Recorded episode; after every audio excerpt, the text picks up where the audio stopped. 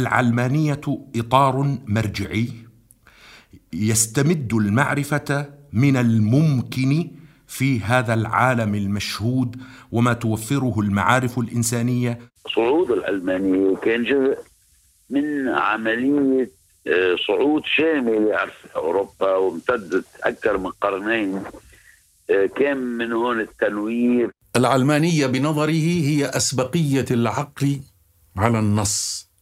أو باللغة الفلسفية على النقل. وهي لا تعني هذا الفصل المؤسسي أو القانوني بين الدين والدولة.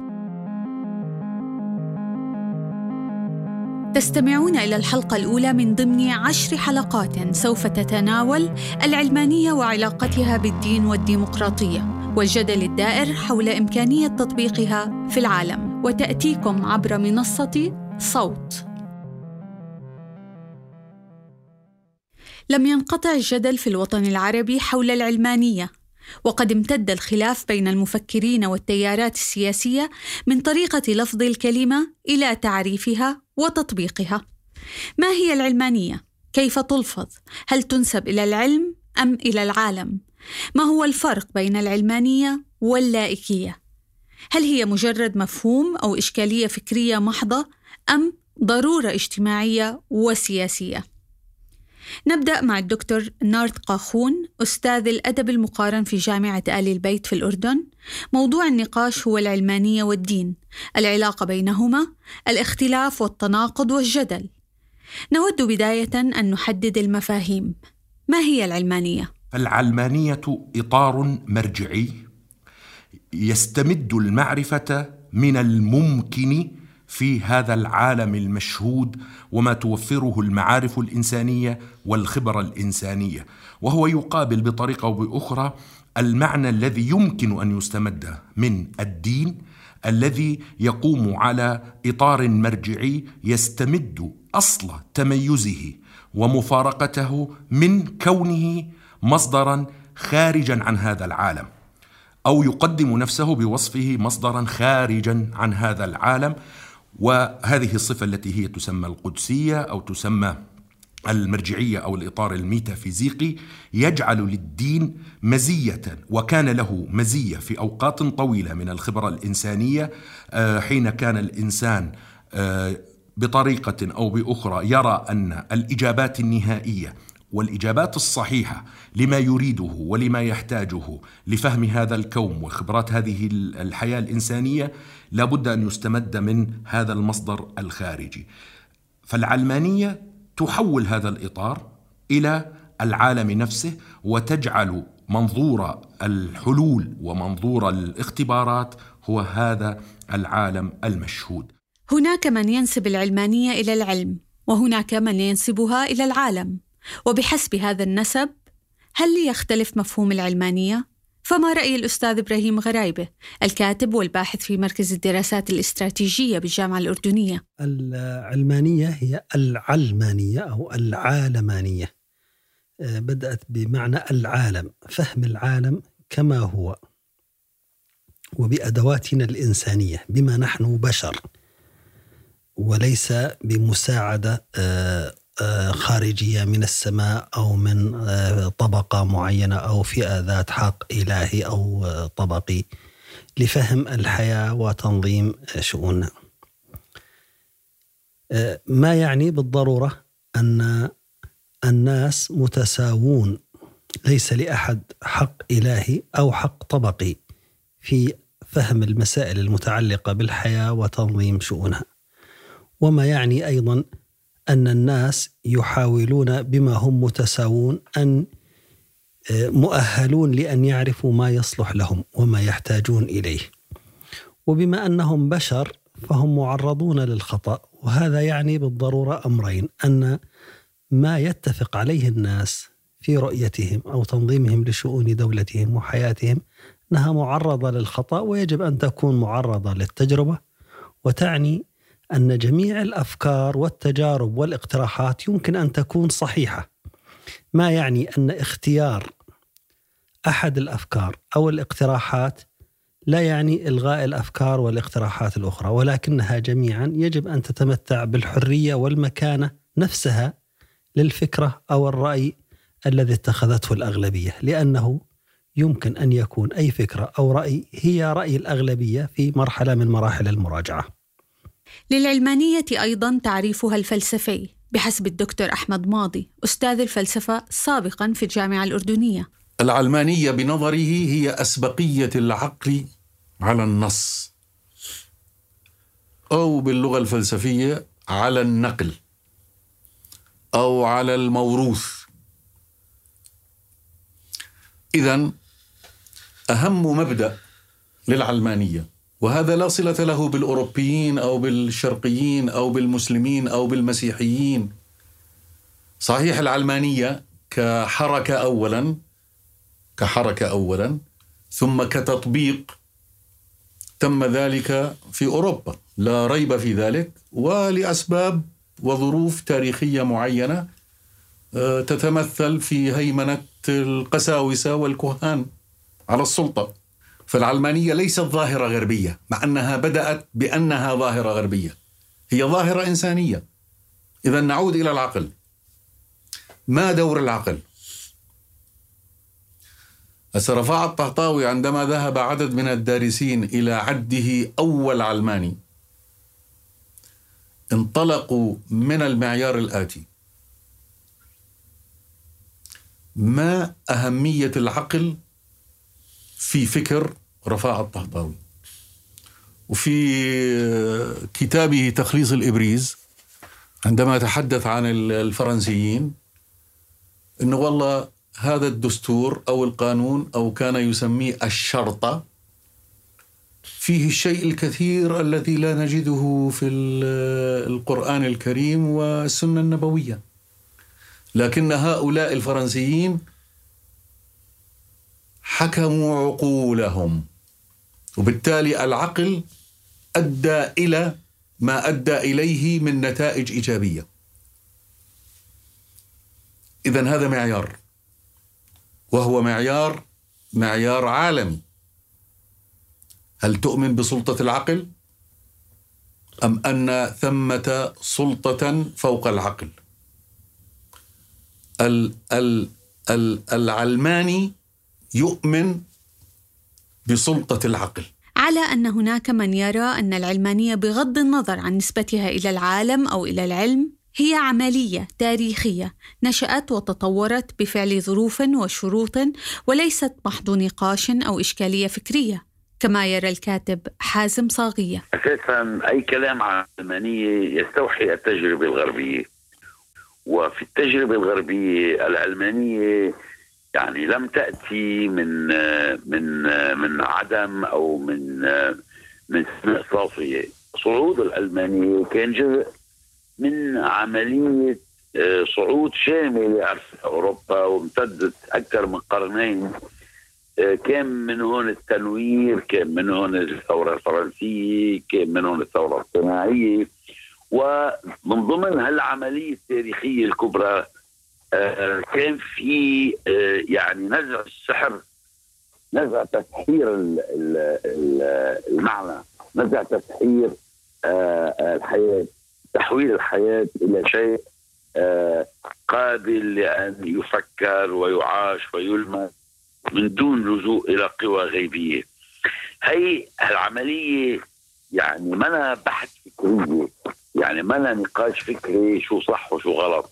هي عمليه ارتبطت بظرف تاريخي وكان لها حوامل آه اجتماعية. كان في أطراف وقوى اجتماعية عم تحملها وعم تعبر عنها ثقافيا. الأمر نفسه تقريبا عند الكاتب العراقي حارث حسن المحاضر في جامعة أوروبا الوسطى الذي يميل أيضا إلى ربط العلمانية بشرطها التاريخي بوصفها عملية لا فكرة فحسب. نميل إلى الحديث عن العلمنة أكثر مما نتحدث عن العلمانية كفكرة نفسها بمعنى أنه العلمنة كديناميك كديناميكية سياسية واجتماعية آه ظهرت آه آه بعد بعد التنوير بعد حركة التنوير في في أوروبا وبعد انتقال الحداثة وبعض أشكال الحداثة إلى منطقتنا العالم العربي. وظهور فكرة الدولة الأمة ومعها فكرة إنه الكيان السياسي لا يشترط أن يقوم في شرعيته على أساس الانتماء الديني أو على أساس مفهوم للهوية مشتق من الانتماء الديني بس على ولكن على أساس الانتماء الجغرافي الإقليمي.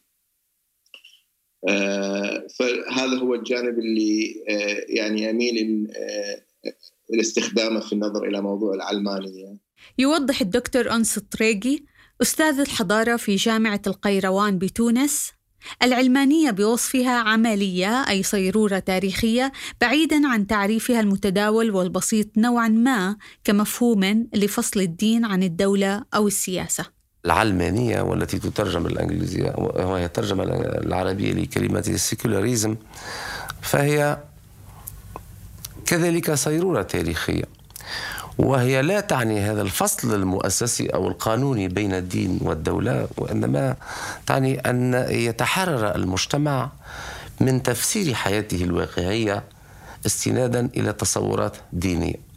وهذا التحرر لا يعني إقصاء للدين من الحياة الاجتماعية، هذا لا يقبله علماء الاجتماع مطلقا لأن الدين يمثل إسمنت الحياة الاجتماعية عند أغلب الشعوب التوحيدية خاصة وهي أكثر الشعوب الموجودة الآن في العالم.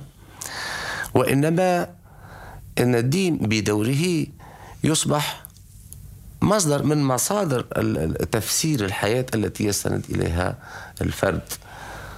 لا يبقى الدين هو المصدر الوحيد لتفسير الحياة إنما يصبح واحدا من هذه المصادر.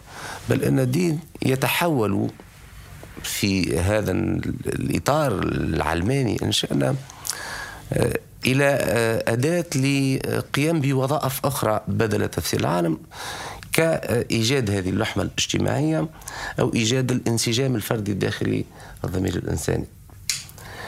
ولكن الأهم أهم شيء في في, في الوضع العلماني هو أن الدين يفقد واحديته في تفسير الحياة. بعد أن كان هو المصدر الوحيد يصبح واحد من المصادر الممكنة وهو مصدر ثانوي وليس مصدرا أساسيا بهذا المعنى يميز الطريقي العلمانية عن مفهوم آخر بدأ ينتشر مؤخرا بكثرة ألا وهو اللائكية فما هو تعريف هذا المفهوم؟ ما الفرق بينه وبين العلمانية؟ الحديث في موضوع العلمانية واللائكية والدين لا يمكن أن يكون حديثا بناء ما لم نبدأ بتحديد هذه المفاهيم. أي أن نحدد الفرق بين اللائكية والعلمانية. بالنسبة إلى اللائكية هي في الواقع تعرف تعريفات كثيرة. ويمكن أن نعتبر أن التعريف الذي صدر مؤخرا أعتقد سنة 2005 في 10 ديسمبر 2005 عن آه، الإعلان العالمي حول اللائكية الذي شاركت فيه 30 آه، الذي وقع عليه تقريبا 250 آه، مفكر من 30 دولة. يقول إنه العلم اللايكيه عفوا هي الدولة التي تكون محايدة ازاء الأديان وتكون مستقلة عن أي تبعية لأي سلطة دينية وهي الدولة التي تكون السيادة فيها للأفراد أو الأشخاص المواطنين وهي سيادة يمارسونها بالتساوي بينهم عن طريق القانون. هذا التعريف في الواقع نجد فيه تعريفات مناظرين كثيرين لللايكية منهم مثلا المنظر الأول في فرنسا للايكية هو فرديناند بويسون فرديناند بويسون عام 1883 عرف اللايكية بأنها حصيلة صيرورة تاريخية تحرر يتحرر فيها السياسي من أي هيمنة وتدخل من قبل. الدين وتمثل الدولة اللايكية حصيلة هذا النسق التاريخي وتتجسد لائكية الدولة عن طريق هذا الفصل القانوني إن شاءنا الذي يدستر بين آه، الدولة كسلطة تدير الشأن العام والدين الذي يتخلى آه، عن التدخل في هذا الشأن العام ويقع التنصيص على ذلك قانونيا في الدستور. وهناك تعريفات أخرى في الواقع لللايكية نجدها عند الكندية ميشلين ميلو مثلا في كتابها اللايكيات هذا كتاب اسمه اللايكيات وميشلين ميلو مثلا تقول أنه اللايكية تتعرف بأربع أربع معاني. أولها أنه الدولة تكون محايدة تجاه كل الأديان. وهي أيضا دولة مستقلة.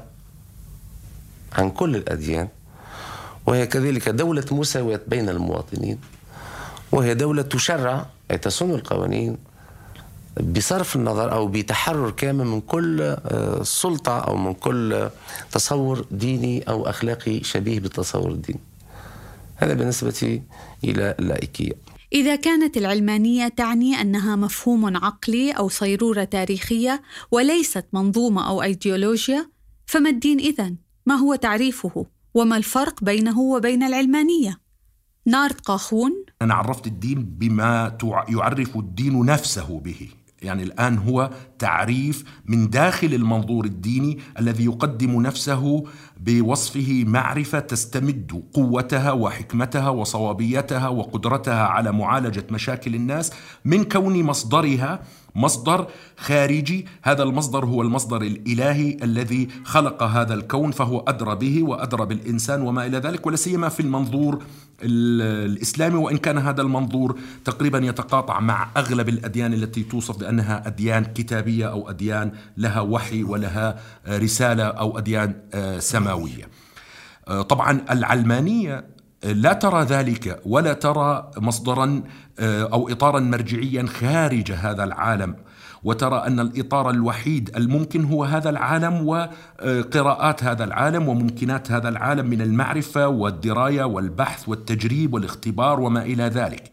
أنس الطريقي بالنسبة إلى الدين تعريف الدين هو من أعقد الأشياء التي يمكن أن نخوضها. ولذلك ظهر ما يسمى بعلم الأديان وعلم الأديان المقارن وفي هذا السياق أستحضر العالم الاجتماع الفرنسي جون بول فيلام.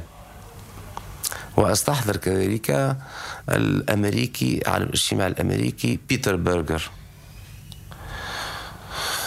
تعريف الدين في من قبل هؤلاء هو عبارة عن منظومة من التصورات التي يحاول بواسطتها الإنسان أن يفسر الحياة استنادا إلى رؤية إلى رؤية آه، تراتبية للكون.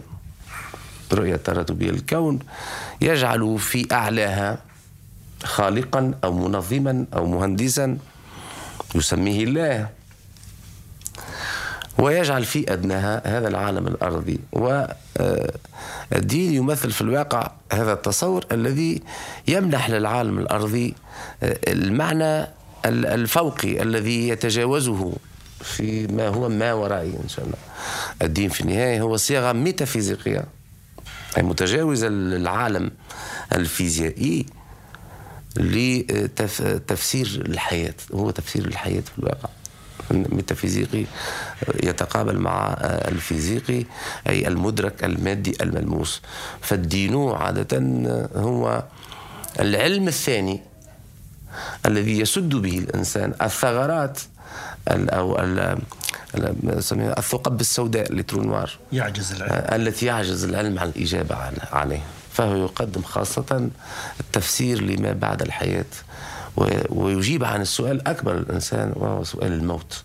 بهذا المعنى يمكن تلخيص العلمانية بحسب هؤلاء المفكرين بأنها عملية أو صيرورة تاريخية انطلقت بفعل ظروف وشروط موضوعية وليست مجرد فكرة أو محض نقاش فكري وهي من حيث نسبتها للعالم تعني نزع الأفكار السحرية والغيبية في تفسير العالم المشهود ومن حيث نسبتها للعلم تعني سلطة العقل وقدرته على فهم العالم.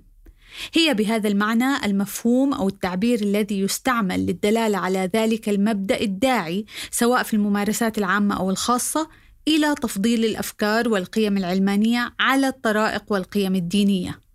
وهي سياسيا أو كما يسميها البعض اللائكية تعني الضرورة الاجتماعية والسياسية لفصل الممارسات الحكومية أو الدستورية أو القضائية عن الدين أو المعتقدات الدينية. هي إذن اتجاه وفهم وممارسة يهدف إلى فصل الدين عن الحكومة، ما يعني تخفيف الصلات بين هذه الأخيرة وبين ما يمكن تصوره دينا للدولة بحيث تستبدل القوانين المستندة إلى الكتب المقدسة بقوانين مدنية تلغي أي تمييز بين الأفراد على أساس ديني ما يعني على أرض الواقع تعميق الديمقراطية وحماية حقوق الأقليات الدينية. هكذا نكون وصلنا إلى ختام حلقتنا الأولى. تابعونا في الحلقة الثانية التي سنعرض فيها الجدل حول أصالة مفهوم العلمانية. هل هو مفهوم مستورد أم أنه عالمي إنساني؟ أعد المحاور وأدار النقاش إبراهيم غرايبة ومحمد عمر.